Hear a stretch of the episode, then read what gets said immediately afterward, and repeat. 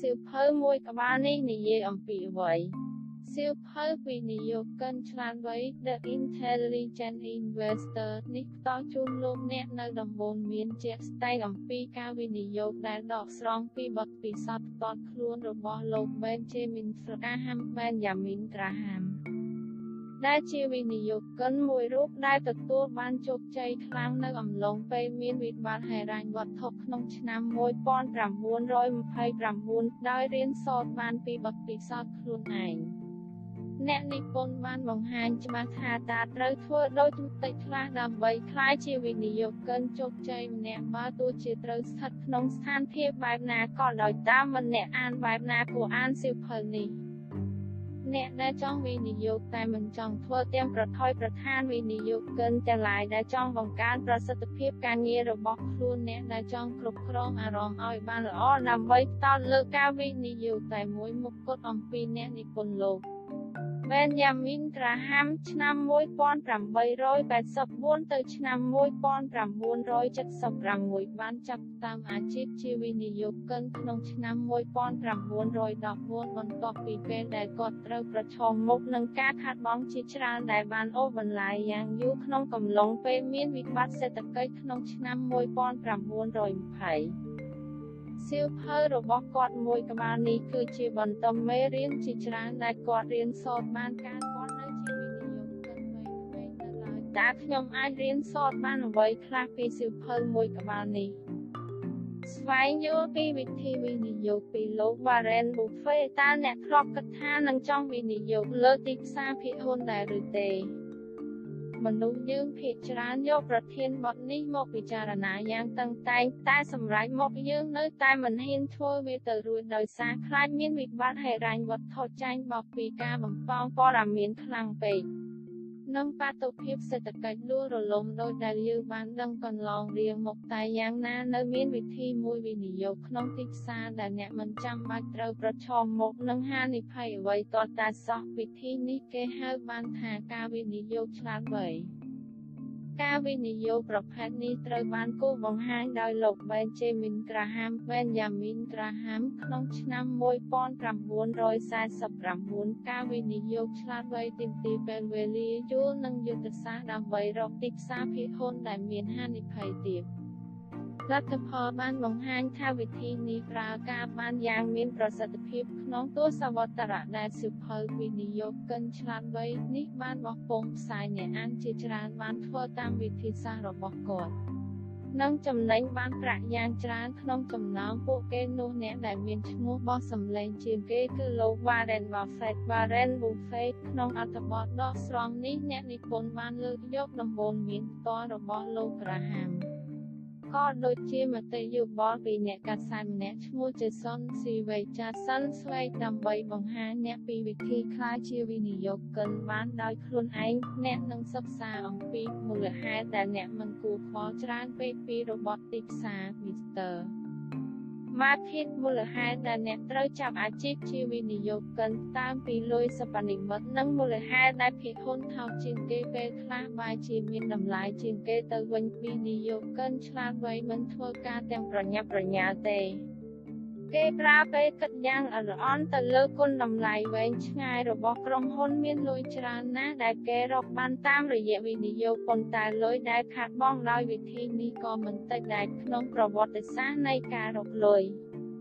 មានកំណត់ត្រាច្រើនណាស់ដែលជាបទពិសោធន៍របស់លោក Warren Buffett នៅក្នុងនោះព្រោះគាត់វិនិយោគចំក្រុមហ៊ុនជោគជ័យហើយកាប់លុយចំណេញមកវិញយ៉ាងច្រើនសន្ធឹកសន្ធាប់ តែក៏មានវត្តពិសោធន៍របស់វិនិយោគិនច្រើនអ្នកទៀតដែលដាក់លុយទៅហើយមិនចំផានការនឹងចុងក្រោយត្រូវខាតវិញទាំងអស់ផងដែរដូចនេះហើយយើងក៏បីសួរខ្លួនឯងថាតើការវិនិយោគពិតជាសមនឹងឲ្យប្រថុយដែរឬទេ ចម្លើយគឺគ្មានអ្វីត្រូវខ្លាចនោះទេសំខាន់ឲ្យតែអ្នកដើរតាមយុទ្ធសាស្ត្រនៃការវិនិយោគឆ្លាតវៃវិនិយោគិនឆ្លាតវៃប្រើការវិភាគល្អិតល្អន់ដើម្បីធានាបានលទ្ធផលជាប្រាក់ចំណេញថេរនិងអាចទុកចិត្តបានមកវិញ វាពិតជាខុសគ្នាទាំងស្រុងពីការពិចារណាតាមទ្រឹស្ដីធម្មតាដែលវិនិយោគិនប្រភេទនេះតបទៅលើតែផលចំណេញក្នុងរយៈពេលខ្លីតាមអត្រាឡើងចុះទីផ្សារតែប៉ុណ្ណោះការពិចារណាតាមទ្រឹស្ដីនេះបង្កហានិភ័យខ្ពស់បំផុត គឺដោយសារតែគ្មានអ្នកណាអាចទស្សន៍ទាយពីអនាគតបានដោយងាយនោះទេឧទាហរណ៍អ្នកវិភាគទីផ្សារភាគហ៊ុនម្នាក់ដឹងពីព័ត៌មានចចាំអារ៉ាមថាក្រុមហ៊ុន Apple នឹងចេញផលិតផលថ្មីរបស់ខ្លួនក្នុងពេលឆាប់ៗនេះ។ ហើយគាត់គ្រោងទិញផលិតផលរបស់ Apple ដើម្បីស្តុកទុកឲ្យបានច្រើន បើគាត់មានសំណាងការទិញទុកនេះនឹងនាំប្រាក់ចំណេញច្រើនតែបើសុយវិញព្រោះពីដែលគេនិយាយនោះបើជារឿងមិនពិតនោះគាត់ច្បាស់ជាត្រូវខាត់បងធំណាស់ ដូចពីនេះទៅវិញវិនិយោគិនឆ្លាតវៃផ្ដោតសំខាន់ទៅលើតម្លៃតែមួយមុខគត់វិនិយោគិនទាំងនេះទិញយកភាគហ៊ុនណាមានតម្លៃទាបជាងតម្លៃដើមហើយដែលតម្លៃនេះនៅតែអាចឲ្យក្រុមហ៊ុនមួយរីកចម្រើននិងចំណេញទៅបានដដែល។ ជាអ្នកវិនិយោគឆ្លាតវៃម្នាក់អ្នកសម្រាប់ទិញស្តុកអ្វីមួយតតែអ្នកជឿជាក់ថាមានផ្លូវដែលអ្នកអាចចំណេញលួយពីអ្វីដែលអ្នកទិញពេលដែលក្រុមហ៊ុននោះធំធាត់ចូលអ្នកគិតពីចន្លោះសុវត្ថិភាពនេះ ឲ្យដូចគ្នាទៅនឹងការដែលអ្នកទិញអីវ៉ាន់ពីផ្សារអញ្ចឹងដែរឧទាហរណ៍ថាអ្នកទិញអាវមួយដែលមានតម្លៃថ្លៃហើយអ្នកនឹងពាក់វាតែក្នុងរយៈពេលខ្លីបើគុណភាពមិនជាទីប៉ុន្មានទេអញ្ចឹងអ្នកអាចនឹងទិញអាវដែលថោកជាងនេះវិញ ហើយយកទៅប្រើក្នុងរយៈពេលដូចគ្នាទៅល្អជាងជីវិតរបស់វិនិយោគិនឆ្លាតវៃមិនសូវជាហឺហាប៉ុន្មានទេតែនេះមិនមែនជារឿងសំខាន់នោះឡើយរឿងដែលត្រូវគិតចាំបាច់នោះគឺឲ្យតែចំណេញបានលុយការវិនិយោគឆ្លាតវៃមាន3 គោលការណ៍សំខាន់សំខាន់ខាងក្រោមនេះជាគោលការណ៍សំខាន់សំខាន់ទាំង3ដែលវិនិយោគិនឆ្លាតវៃអាចយកមកប្រើប្រាស់បានទី1វិនិយោគិនឆ្លាតវៃវិភាគលើផែនការអភិវឌ្ឍយូរអង្វែងនិងគោលការណ៍អាជីវកម្មរបស់ក្រុមហ៊ុន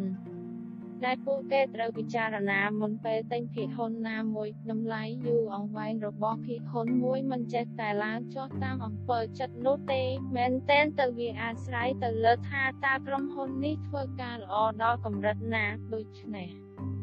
សូមពិនិត្យរចនាសម្ព័ន្ធហិរញ្ញវត្ថុរបស់ក្រុមហ៊ុនឲ្យបានច្បាស់លាស់សិក្សាពីគុណភាពគ្រប់គ្រងនិងរកឲ្យឃើញថាតើក្រុមហ៊ុននេះអាចតតភាពលៀបថេដូចជាការចាយប្រាក់ចំណេញទៅឲ្យវិនិយោគិនដែរឬអត់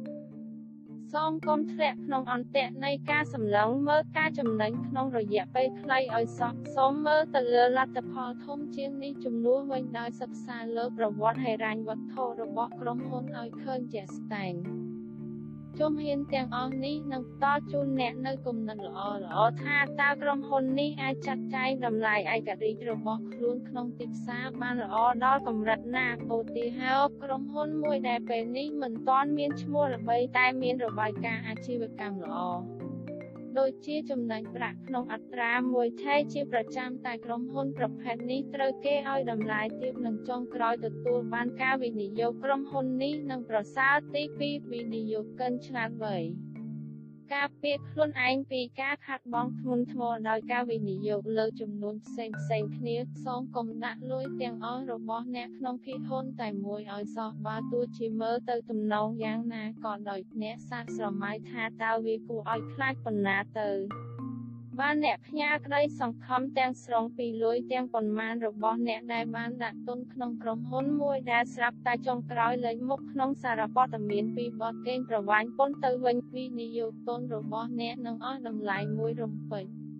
ហើយទាំងពេលវេលាទាំងលុយកាក់ក៏នឹងត្រូវបាត់បង់គ្មានថ្ងៃវិលវិញឡើយតាមរយៈការដាក់ទុនក្នុងវិស័យផ្សេងគ្នាធានាមិនឲ្យអ្នកខាត់លុយទាំងអស់ក្នុងពេលតែមួយបានចុងក្រោយវិនិយោគិនឆ្លាតវៃយល់ថាគេនឹងមិនសង្ឃឹមថាត្រង់យកប្រាក់ចំណេញច្រើនលើលោកនោះទេតែជាប្រាក់ចំណេញដែលទុកចិត្តបាននិងជាចំណូលថេកដល់សម្រាប់វិនិយោគិនឆ្លាតវៃគឺធ្វើយ៉ាងណាឲ្យគ្រប់តម្រូវការផ្ទាល់ខ្លួនបាន។ មិនដើម្បីធ្វើខ្លួនឲ្យក្រាន់បើជាងអ្នកគួរជេរភិហ៊ុនតាមសារព័ត៌មាន Wall Street នោះទេ យើងធ្វើមិនបានល្អជាងអ្នកទាំងនោះដែលរស់នៅនឹងការធ្វើចំនួនហើយយើងក៏មិនគួរសម្រុកយកលួយលឿនពេកដែរ ការប្រដេញតាមទឹកលុយនេះគ្រាន់តែជាសញ្ញាដែលធ្វើឲ្យយើងលោភលន់និងខ្វះការប្រុងប្រយ័ត្នតែប៉ុណ្ណោះវិនិយោគិនឆ្លាតវៃយល់ច្បាស់ពីសារៈសំខាន់នៃចរន្តទីផ្សារភាគហ៊ុនរឿងដំបូងដែលអ្នកគួរធ្វើមុនពេលអ្នកដាក់ទុនគឺមិនមែនជាចរន្តភិហ៊ុនភ្លាមនោះទេច្បាស់ណាស់វាជារឿងចាំបាច់តែអ្វីដែលសំខាន់ជាងនេះទៀតនោះគឺមើលទៅលើចរន្តទីផ្សារភិហ៊ុនផ្ទាល់តែម្ដង ការតាមដានចរន្តនេះឆ្លុះបញ្ចាំងឲ្យឃើញថាទីផ្សារភាគហ៊ុនតែងត្រូវបានកំណត់ដោយការឡើងចុះទៀងទាត់ប្រាកដមែនជារឿយរឿយការឡើងចុះនេះមិនអាចចេះតែមើលដឹងមុននោះទេ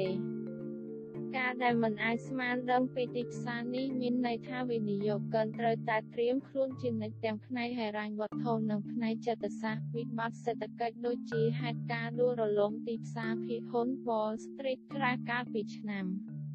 1929សុទ្ធតែជាព្រឹត្តិការណ៍ពិតក្នុងជីវិតហើយវាអាចកើតឡើងបានគ្រប់ពេលដូច្នេះហើយអ្នកត្រូវធានាថាអ្នកអាចចាប់បានត្រីធំហើយដើម្បីបន្តចាប់ទៀតការនេះមានន័យថាអ្នកគួរតែមានមូលបត្រហ៊ុនចម្រុះ Diverse Stock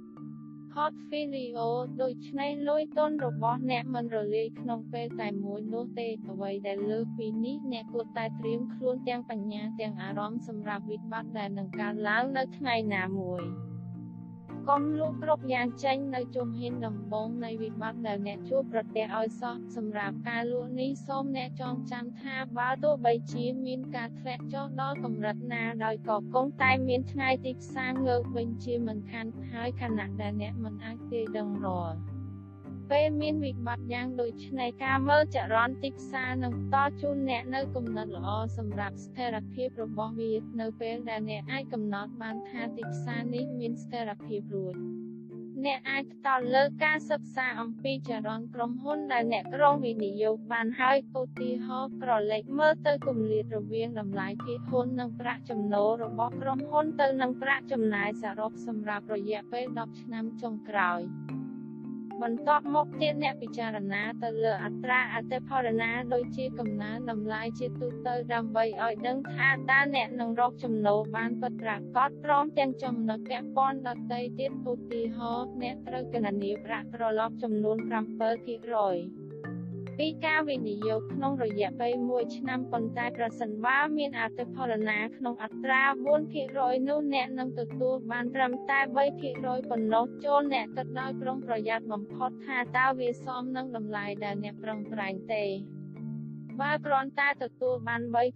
បែបនេះនៅពេលនិយាយអំពីការវិនិយោគដ៏សុក្រិតបែបនេះចំណេះដឹងអំពីចរន្តទីផ្សារនេះជាអាវុធដ៏សំខាន់តែមួយគត់ដូចឆ្នេរសូមសំលៀងវាឲ្យមុខជានិច្ចកុំជឿលើពាក្យមហាជនឬទីផ្សារតែមួយមុខដើម្បីយល់ច្បាស់ពីដំណើរទីផ្សារឲ្យបានងាយស្រួលជានេះយើងអាចប្រដូចទីផ្សារទាំងមូលទៅនឹងមនុស្សម្នាក់ដោយដាក់ឈ្មោះឲ្យគាត់ថា Mr. Market របស់ទីផ្សារមនុស្សដើរលើទីផ្សារកាន់តែឆ្ងាយមីទ័រ Market គឺកាន់តែពិបាកស្មានព្រោះវាមានទំនោរតាមអារម្មណ៍និងភាពឆ្លៀសវៃរបស់យើងជានិច្ចមីទ័រ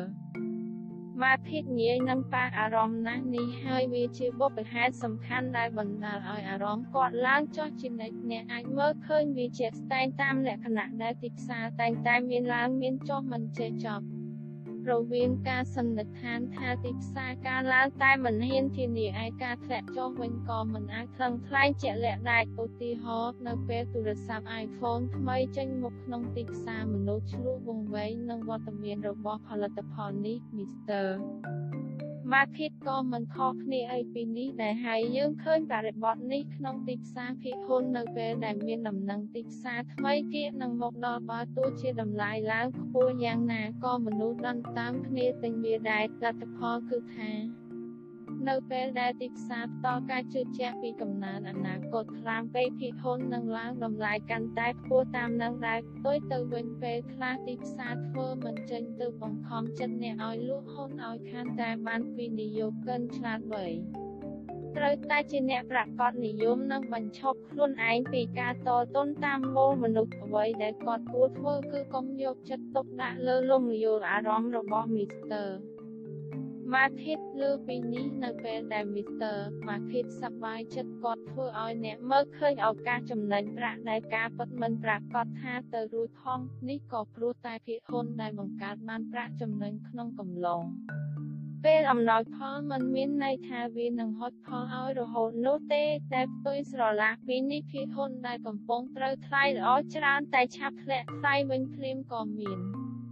ដោយសារតែតម្រូវការការឡើងច្រើនចង់មិនចង់ត្រូវទម្លាក់តម្លៃឲ្យនៅទីបំផុតរហូតដល់ចុះទៀតលេងកាត់បើទោះបីជាដឹងថាអញ្ចឹងក៏ដោយយើងនៅតែងាយតាក់ចិត្តទៅនឹងផលប្រយោជន៍រយៈពេលខ្លីដដែលព្រោះយើងពូកែស្គាល់ផ្លូវចំណេញជា ពិសេសភាគហ៊ុនណាដែលទំនងទទួលបានប្រាក់ចំណេញឆាប់តែតាមពិតទៅមនុស្សយើងពូកែកំណត់គំរូទីផ្សារណាស់បើទោះជាអ្នកចិត្តសាស្ត្របង្ហាញពួកគេពីដំណើរទីផ្សារមិនទៀងទាត់នឹងថែមទាំងប្រាប់ពួកគេថាវាគ្មានគំរូកំណត់យ៉ាងណា ពួកគេក៏នៅតែព្យាយាមរកវាឲ្យតតែបានស្រដៀងគ្នានេះនៅពេលដែលយើងមើលឃើញប្រាក់ចំណេញកាន់តែកើនឡើងយើងសន្មត់ថាខ្លួនឯងស្គាល់ច្បាស់ពីដំណើរទីផ្សារមួយនេះនិងជឿថាវានឹងបន្តបែបនឹងរហូតតាមគំនិតនេះ។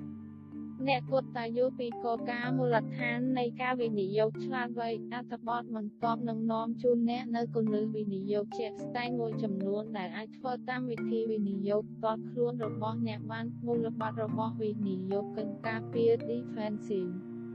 Investor គួរតែមានតុល្យភាពល្អមានសុវត្ថិភាពនិងងាយស្រួលគ្រប់គ្រងនៅពេលដែលអ្នកចាប់ផ្ដើមដើរលើវិថីវិនិយោគវាមានសារៈសំខាន់ដែលអ្នកត្រូវជ្រើសរើសយកយុទ្ធសាស្ត្រដែលសម្រុងនឹងអ្នកបំផុត។ អ្នកគួរតែសម្រេចឲ្យហើយថាអ្នកជាវិនិយោគិនការពារ defensive investor ឬវិនិយោគិនសកម្ម enterprising investor តែពេលនេះយើងសូមតទៅលើវិនិយោគិនការពារជាមុនសិន defensive investor ស្អប់ការប្រថុយប្រឋានណាស់ដូច្នេះហើយបានជាវិនិយោគិនប្រភេទនេះផ្ដោតសំខាន់ទៅលើសវត្ថិភាពតែមួយមុខគត់សវត្ថិភាពនេះអាចធានាបានលុះត្រាតែគាត់ដាក់ការវិនិយោគរបស់គាត់ចម្រុះគ្នាដំបូងអ្នកគួរតែវិនិយោគទៅលើ សញ្ញាបានលំដាប់ខ្ពស់ហើយក្រេតបនមានដូចជាថាវិការបំរុងសម្រាប់បំណុលសន្តិសុខរបស់រដ្ឋាភិបាលប្រទេសណាមួយក៏ដូចជាភាគហ៊ុនទូទៅមួយចំនួនដែលចំណាយភាគហ៊ុនក្នុងក្រុមហ៊ុននេះទទួលបានអំណាចក្នុងការបោះ ឆ្នោតសម្រាប់ការសម្រេចចិត្តសំខាន់សំខាន់ក្នុងចំនួនរួមគ្នាយកល្អអ្នកគួរតែធ្វើយ៉ាងណាចែកគ្នាស្មើ50ត្រេ50សម្រាប់ភាគីទាំងពីរឬបើសម្រាប់វិនិយោគិនដែលចាំតែចំណេញវិញចែក75%សម្រាប់សញ្ញាប័ណ្ណបននិង25%សម្រាប់ភាគហ៊ុនស្តកក៏បានដែររវាងភាគហ៊ុននិងសញ្ញាប័ណ្ណមានកម្រិតនៃសុវត្ថិភាពនិងប្រាក់ចំណេញផ្សេងគ្នា។ សញ្ញាបានមានស្ថិរភាពជាងប៉ុន្តែទទួលបានផលតិចខណៈដែលភាគហ៊ុនមានស្ថិរភាពតិចតែអាចបានផលមកវិញច្រើនជាងការកំណត់ភាពខុសគ្នាប្រភេទនេះសុទ្ធតែបានផលពីនិន្នាការទាំងពីរដូចតែគ្នាទី2 មូលបត្រភាគហ៊ុនទូទៅរបស់អ្នកគួរតែចម្រុះគ្នាអញ្ចឹងដែរដាក់ទុនក្នុងក្រុមហ៊ុនយក្សដ៏ល្បីឈ្មោះដែលមានប្រវត្តិជោគជ័យច្រើនឆ្នាំហើយសាក់លបងវិនិយោគយ៉ាងហោចណាស់ឲ្យបានដល់ក្រុមហ៊ុនដើម្បីកាត់បន្ថយហានិភ័យ។ ការវិនិយោគចម្រុះគ្នានេះអាចស្ដាប់ទៅអ្នកដូចជាត្រូវធ្វើការច្រើនជាងការដែលបានសន្យាពីដំបូងតែកុំបារម្ភអីដើម្បីឲ្យកាន់តែងាយជាងនេះអ្នកនឹងទទួលបានប្រយោជន៍ពីការបង្កើតជម្រើសសាមញ្ញនេះ ពេលអ្នកសម្រេចចិត្តទៅលើភាគហ៊ុនធម្មតាល្អបំផុតគឺកុំខាតពេលបង្កើតហ៊ុនថ្មីសូមពិនិត្យមើលមូលបត្រនៃមូលនិធិវិនិយោគដែលរឹងមាំដែលគេធ្វើកន្លងមកនិងដាក់មូលបត្ររបស់អ្នកជាមួយគេតែម្ដងទៅនេះមិន មែនមានន័យថាអ្នកត្រូវដើរតាមគេទាំងស្រុងនោះទេតែអ្នកទិញយកភាគហ៊ុនដែលដើរតនគេធ្វើនេះវាល្អជាងការដែលអ្នកមើលទៅលើមូលនិធិវិនិយោគដែលមានប្រវត្តិជោគជ័យយូរឆ្នាំហើយចម្លងតាមគេទាំងស្រុងចុងក្រោយអ្នកត្រូវជួលអ្នកជំនាញណាម្នាក់ដើម្បីជួយក្នុងកិច្ចការនេះពួកគេចេះលេងល្បែងនេះច្បាស់ជាងអ្នកឆ្ងាយណាស់ហើយអាចណែនាំអ្នកឲ្យធ្វើការសម្រេចចិត្តវិនិយោគបានប្រសើរបំផុត។ ប្រសិនបើអ្នកអនុវត្តតាមគោលការណ៍ទាំងនេះបាននោះការតាំងចិត្តរបស់អ្នកមុននិងក្រោយគង់តែបានផលល្អជាមិនខានការវិនិយោគងាយស្រួលនៅពេលដែលអ្នកអនុវត្តតាមរូបមន្តវានៅពេលដែលអ្នកបានជ្រើសរើសក្រុមហ៊ុនដែលអ្នកចង់វិនិយោគរួច នោះដល់ពេលអ្នកត្រូវអបអរខ្លួនឯងហើយកិច្ចការមួយភាគធំរបស់អ្នកបានសម្រេចហើយអ្វីដែលអ្នកត្រូវធ្វើនៅពេលនេះគឺកំណត់ថាលុយប៉ុន្មានដែលលោកអ្នកចង់វិនិយោគទៀងទាត់នឹងតាមដានភាគហ៊ុនរបស់អ្នកជាប្រចាំកំឡុងពេលនេះ។ អ្នកអាចប្រើប្រាស់ដំណើរការមួយហៅថាវិនិយោគតាមរូបមន្តដែលមានន័យថាអ្នកត្រូវអនុវត្តយ៉ាងហ្មត់ចត់ទៅតាមរូបមន្តដែលបានចងពីដំបូងហើយកំណត់ថាលុយប៉ុន្មានអ្នកត្រូវវិនិយោគនិងញឹកញាប់ប៉ុណ្ណាវិធីនេះក៏គេហៅថា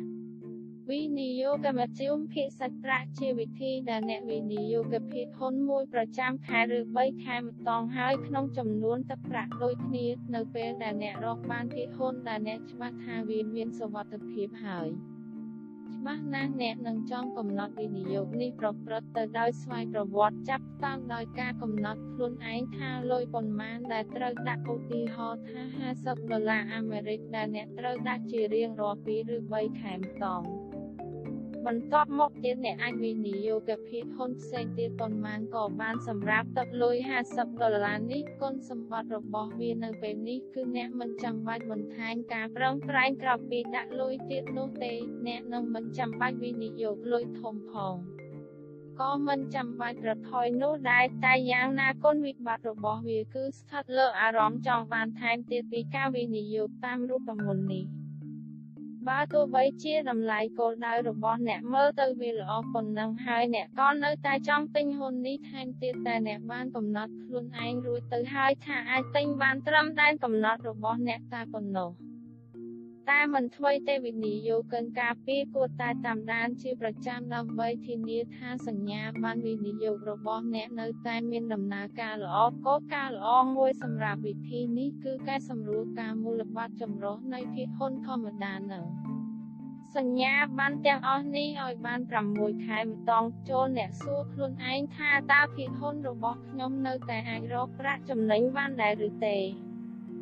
តើតួលេខមានចំនួនប្រហាក់ប្រហែលនឹងការដែលខ្ញុំវិនិយោគកាលពីដំបូងដែរ50ត្រេ50ឬទេ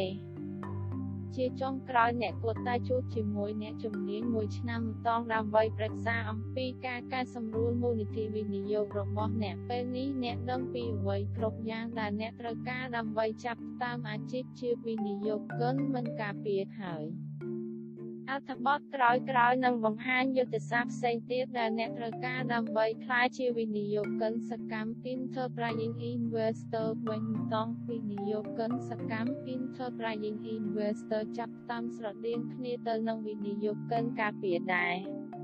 ដើម្បីក្លាយជាវិនិយោគិនសកម្មជោគជ័យម្នាក់អ្នកនឹងត្រូវប្រើយុទ្ធសាស្ត្រដូចគ្នាទៅនឹងវិនិយោគិនការពារអញ្ចឹងដែរក្នុងចំណោមវិនិយោគិនទាំងពីរប្រភេទនេះនឹងត្រូវបែងចែកមូលនិធិរវាងសញ្ញាបានបុណ្យនិង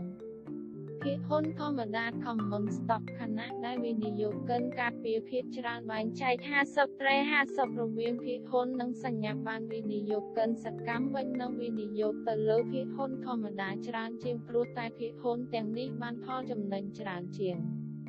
តែមានហានិភ័យក៏ច្រើនដែរហើយអ្វីដែលដូចគ្នាទៅនឹងវិនិយោគិនការពារគឺថាវិនិយោគិនសកម្មត្រូវប្រឹក្សាជាមួយនឹងអ្នកជំនាញផែនការហិរញ្ញវត្ថុតែយ៉ាងណា វិនិយោគិនសកម្មមិនចាត់ទុកអ្នករៀបចំផែនការហិរញ្ញវត្ថុថាជាគ្រូនោះទេតែជាដៃគូក្នុងការគ្រប់គ្រងលុយច្រើនជាងដូច្នេះហើយវិនិយោគិនប្រភេទនេះមិនមែនត្រូវដើរតាមផែនការហិរញ្ញវត្ថុនោះទេ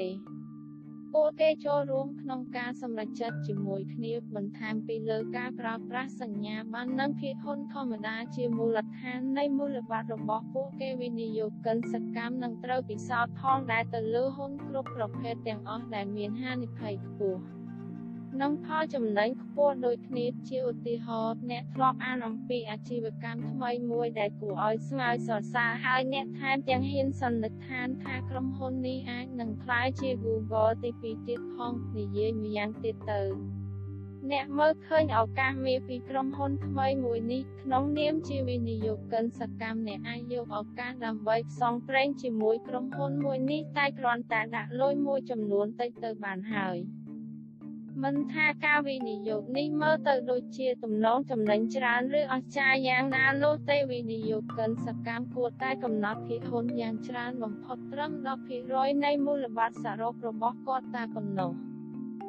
សូមចងចាំថាមិនដែលមានវិនិយោគិនឆ្លាតវៃឯណាមិនធ្លាប់ធ្លាក់ទឹកនោះទេហើយពេលខ្លះមីស្ទ័រ ម៉ាធិតសំញ៉ាំរហូតដល់អ្នកពូកែគិតយ៉ាងណាក៏នៅតែស្មានមិនច្បាស់ពីដំណើររបស់វាដែរដូច្នេះហើយយើងត្រូវតែដាក់កំណត់លុយរបស់យើងឲ្យបានជៀសវាងមានការរលំសេដ្ឋកិច្ចឬវិនិយោគអត់ចំណេញកើតឡើងមិនខុសគ្នាអីពីវិនិយោគិនការពារ វិនិយោគិនសកម្មមិនដែលភ្លេចការស្រាវជ្រាវនិងតាមដានជាប្រចាំនៅមូលបត្ររបស់ពួកគេព្រោះធ្វើបែបនេះមានសារៈសំខាន់ដើម្បីពង្រឹងលំហូរប្រាក់ចំណេញវិនិយោគិនសកម្មមិនជ្រួលតាមដំណើរឡើងចុះនៃទីផ្សារនោះទេប្រសិនបើអ្នកជាម្ចាស់ភាគហ៊ុនហើយភាគហ៊ុនធ្លាក់ថ្លៃនោះតើអ្នកនឹងលួចវាចេញទាំងអស់ភ្លាមឬទុកវាសិន ប្រសិនបើហ៊ុនមួយទៀតឡើងថ្លៃតើវាល្អដែលត្រូវមានវិធានការអ្វីលើវាមុនពេលដែលទីផ្សារផ្លាស់ប្តូរឬយ៉ាងណាវិធីនេះត្រូវគេឲ្យឈ្មោះថាវិនិយោគក្នុងទីផ្សារ Trading in the Market ដែលជារឿងធម្មតាសម្រាប់វិនិយោគិនធ្វើពីព្រោះពួកគេខ្លាចការដែលមិនដើរតាមលំហូរនេះទេពួកគេនឹងត្រូវខាត់លុយ តែវិនិយោគិនឆ្លាតវៃគេដឹងល្អលើសពីនេះទៅទៀតការជឿទុកចិត្តទៅលើ Mr. Market គឺជារឿងគ្រោះថ្នាក់បំផុតប្រសិនបើតម្លៃភាគហ៊ុនឡើងថ្លៃលឿនអញ្ចឹងឱកាសដែលមានអាចថាវានឹងឡើងថ្លៃលើសតម្លៃដើមឬវិនិយោគនេះឈានដល់ចំណុចគ្រោះថ្នាក់តើអ្នកនៅចាំទំនោរវិនិយោគលើគេហដ្ឋាននៅសហរដ្ឋអាមេរិកកាលពីប៉ុន្មានឆ្នាំមុនទេ គ្រប់គ្នាសតតែវិនិយោគលើវិស័យនេះហើយតម្លៃវិញនៅតែឡើងមិនធ្លាក់សោះគ្មានអ្នកណាដឹងថាតម្លៃទាំងនេះវាមិនមែនជាតម្លៃពិតប្រាកដនោះទេ នៅពេលផែនការត្រូវបានវាយធ្លាយវាហួសពេលទៅហើយទីផ្សារទាំងមូលត្រូវដួលរលំ។ ដើម្បីជៀសវាងរឿងប្រភេទនេះវិនិយោគិនសកម្មទិញក្នុងតម្លៃទីផ្សារទាបនិងលក់ចេញវិញក្នុងតម្លៃទីផ្សារខ្ពស់សូមពិនិត្យមូលបត្ររបស់អ្នកឲ្យបានទៀងទាត់និងសិក្សាពីក្រុមហ៊ុនដែលអ្នកដាក់ទុនឲ្យបានច្បាស់សួរខ្លួនឯងជាប្រចាំថាតើការគ្រប់គ្រងរបស់ក្រុមហ៊ុននេះនៅតែមានដំណើរការល្អដែរឬទេចុះស្ថានភាពហិរញ្ញវត្ថុវិញយ៉ាងម៉េចដែរ នៅពេលដែលអ្នកបានដឹងច្បាស់ថាក្រុមហ៊ុនមួយក្នុងចំណោមក្រុមក្រុមហ៊ុនផ្សេងទៀតដែលមានមូលបត្ររបស់អ្នកក្នុងនោះហើយភាគហ៊ុនក្រុមហ៊ុននោះថ្លៃលើពីតម្លៃពិតយកល្អអ្នកលក់ភាគហ៊ុនឲ្យលឿនមុនពេលវារលំយ៉ាងណាមិញ។ អ្នកនៅតែចង់ទិញបានភាគហ៊ុនក្នុងតម្លៃទីផ្សារទាបនេះជាអ្វីដែលក្រុមហ៊ុន Yahoo បានធ្វើកាលពីឆ្នាំ2002នៅពេលដែលក្រុមហ៊ុននេះបានទិញយក Intomicorp ក្នុងតម្លៃត្រឹមតែ1ដុល្លារអាមេរិក65សេនតែប៉ុណ្ណោះក្នុងមួយហ៊ុន។ វាជាតម្លៃល្អលើសពីការរំពឹងទុកមែនរបត់ទីផ្សារចាប់តាមយ៉ាងយើងខ្លាំងបន្ទាប់ពីភាគហ៊ុនរបស់ក្រុមហ៊ុន Intomi ធ្លាក់ទាំងកំហុសពីតម្លៃ231,625ដុល្លារអាមេរិកក្នុងមួយហ៊ុន។ ពេលនោះឯងដែលក្រុមហ៊ុននេះរកប្រាក់ចំណូលមិនបានតតែសោះវិនិយោគិនសកម្មមានឱកាសដើម្បីដេញបានតម្លៃពិតប្រាកដត្រង់ចំណុចនេះការខ្លាយជាវិនិយោគិនសកម្មស្ដាប់ទៅដូចជាលបែងដែលសប្បាយលេងមួយអញ្ចឹងប៉ុន្តែតើវាពិតជាសមនឹងតម្លៃដែលត្រូវឆ្លងកាត់បញ្ហាទាំងនេះដើម្បីពិនិត្យតាមដានហិរញ្ញវត្ថុមិនចេះចប់បែបនេះមែនទេ មែនតែនទៅវាសមនឹងតម្លៃណាស់ដោយសារតែនេះជាកន្លែងដែលអ្នកអាចរកបានតម្លៃល្អតែតើតែអ្នកឆ្លាតដែលទៅរកវាបានវិធីដែលល្អបំផុតដើម្បីចាប់ផ្ដើមជីវិតជាវិនិយោគិនសកម្មគឺអ្នករៀនជ្រើសរើសនិងដេញភាគហ៊ុនខ្លែងខ្លាយសិន។ រៀនវិនិយោគคล้ายคล้ายក្នុងរយៈពេល1ឆ្នាំដើម្បីពង្រឹងសមត្ថភាពក្នុងការតាមដាននិងរើសយកតម្លៃសម្រាប់ភាគហ៊ុនរបស់អ្នកពេលអនាគតបច្ចុប្បន្ននេះមានគេហទំព័រជាច្រើនដែលអនុញ្ញាតឲ្យអ្នកធ្វើការវិនិយោគคล้ายคล้ายបាន។ អ្វីដែលអ្នកត្រូវធ្វើគឺគ្រាន់តែចុះឈ្មោះដើម្បីអាចមើលឃើញថាអ្នកពិតជាអាចសម្រេចលទ្ធផលលើពីមធ្យមបានដែរឬក៏អត់ការអនុវត្តក្នុងរយៈពេល1ឆ្នាំនេះផ្ដល់ឲ្យអ្នកនៅប្រយោជន៍ច្រើនណាស់វាមិនត្រឹមតែជួយអ្នកឲ្យរៀនពីការធ្វើវិនិយោគលូកចេញទិញចូលប៉ុណ្ណោះទេថែមទាំងធ្វើឲ្យទប់អារម្មណ៍រំភើបជ្រុលហួសហេតុទៀតផងនៅពេលដែលអ្នកមានបទពិសោធន៍នៃការវិនិយោគខ្លាំងៗនេះពេញមួយឆ្នាំរួចមក អ្នកអាចចាប់តាមប្រមាញ់រកតម្លៃភាគហ៊ុនល្អល្អបានហើយកន្លែងដែលល្អបំផុតដើម្បីរកបានតម្លៃភាគហ៊ុនល្អគឺជាភាគហ៊ុនរបស់ក្រុមហ៊ុនដែលកំពុងធ្លាក់ថ្លៃជាធម្មតាទីផ្សារទម្លាក់ថ្លៃភាគហ៊ុនរបស់ក្រុមហ៊ុនណាដែលកំពុងតែរង គ្រោះពីការខាតបង់សេដ្ឋកិច្ចឬមិនទាន់មានឈ្មោះបោះសម្លេងក្នុងពេលបច្ចុប្បន្នដើម្បីបង្ហាញឲ្យកាន់តែច្បាស់សាកស្រមៃថាសហគ្រាស V1 គឺជាក្រុមហ៊ុនប្រកួតប្រជែងធំលំដាប់ទី2ក្នុងទីផ្សារលក់ទូទឹកកក ក្រុមហ៊ុននេះធំនឹងបានបង្ហាញថារកប្រាក់ចំណេញច្រើនគួរសមក្នុងរយៈពេល7ឆ្នាំចុងក្រោយនេះតែដោយសារតែមានបញ្ហាបច្ចេកទេសខ្លះក្នុងសង្វាក់ផលិតកម្មក្រុមហ៊ុននេះមិនបានចំណេញលុយសោះក្នុងរយៈពេល2ខែចុងក្រោយ។ ជាហេតុធ្វើតម្លៃភាគហ៊ុនរបស់ខ្លួនធ្លាក់ចុះយ៉ាងកំហុកនៅពេលដែលវិនិយោគិនស្រាលស្រាលខ្លាចបាក់ស្បាត់នៅពេលដែលកំហុសបច្ចេកទេសផលិតត្រូវបានដោះស្រាយក្រុមហ៊ុនមួយនេះបានត្រឡប់ជាខ្លាំងដូចដើមវិញអញ្ចឹងហើយវិនិយោគិនឆ្លាតវៃមើលឃើញស្ថានភាពធ្លាក់ថ្លៃនេះថាជាឱកាសដើម្បីទទួលបានតម្លៃល្អប្រសើរតែស្វែងរកបានតម្លៃល្អនេះមិនមែនជារឿងងាយស្រួលនោះទេ ហេតុដូចនេះហើយបានជាមានសារៈសំខាន់ដើម្បីឲ្យមានបទពិសោធន៍មួយឆ្នាំជាមុនសិនប្រសិនបើអ្នកអាចធ្វើបានក្នុងពិភពសុបនិមិត្តនេះបានអ្នកនឹងធ្វើបានដូចគ្នាក្នុងពិភពវិនិយោគជាក់ស្ដែងបានដូចគ្នាសេចក្តីសង្ខាតចុងក្រោយ។ មិនថាតើអ្នកចង់ដើរវាតាមវិធីមិនហប់លោតឬដើរតាមគន្លងជាសហគ្រិនក៏ដោយនៅពេលនិយាយពីភាគហ៊ុនអ្នកចាំបាច់ត្រូវធ្វើជាវិនិយោគិនឆ្លាតវៃអ្វីដែលអ្នកត្រូវធ្វើគឺដើរតាមការណែនាំដោយបានបង្ហាញខាងលើហើយអ្នកអាចបំលែងការវិនិយោគរបស់អ្នកទៅជាប្រាក់ចំណេញយ៉ាងមានស្ថិរភាព។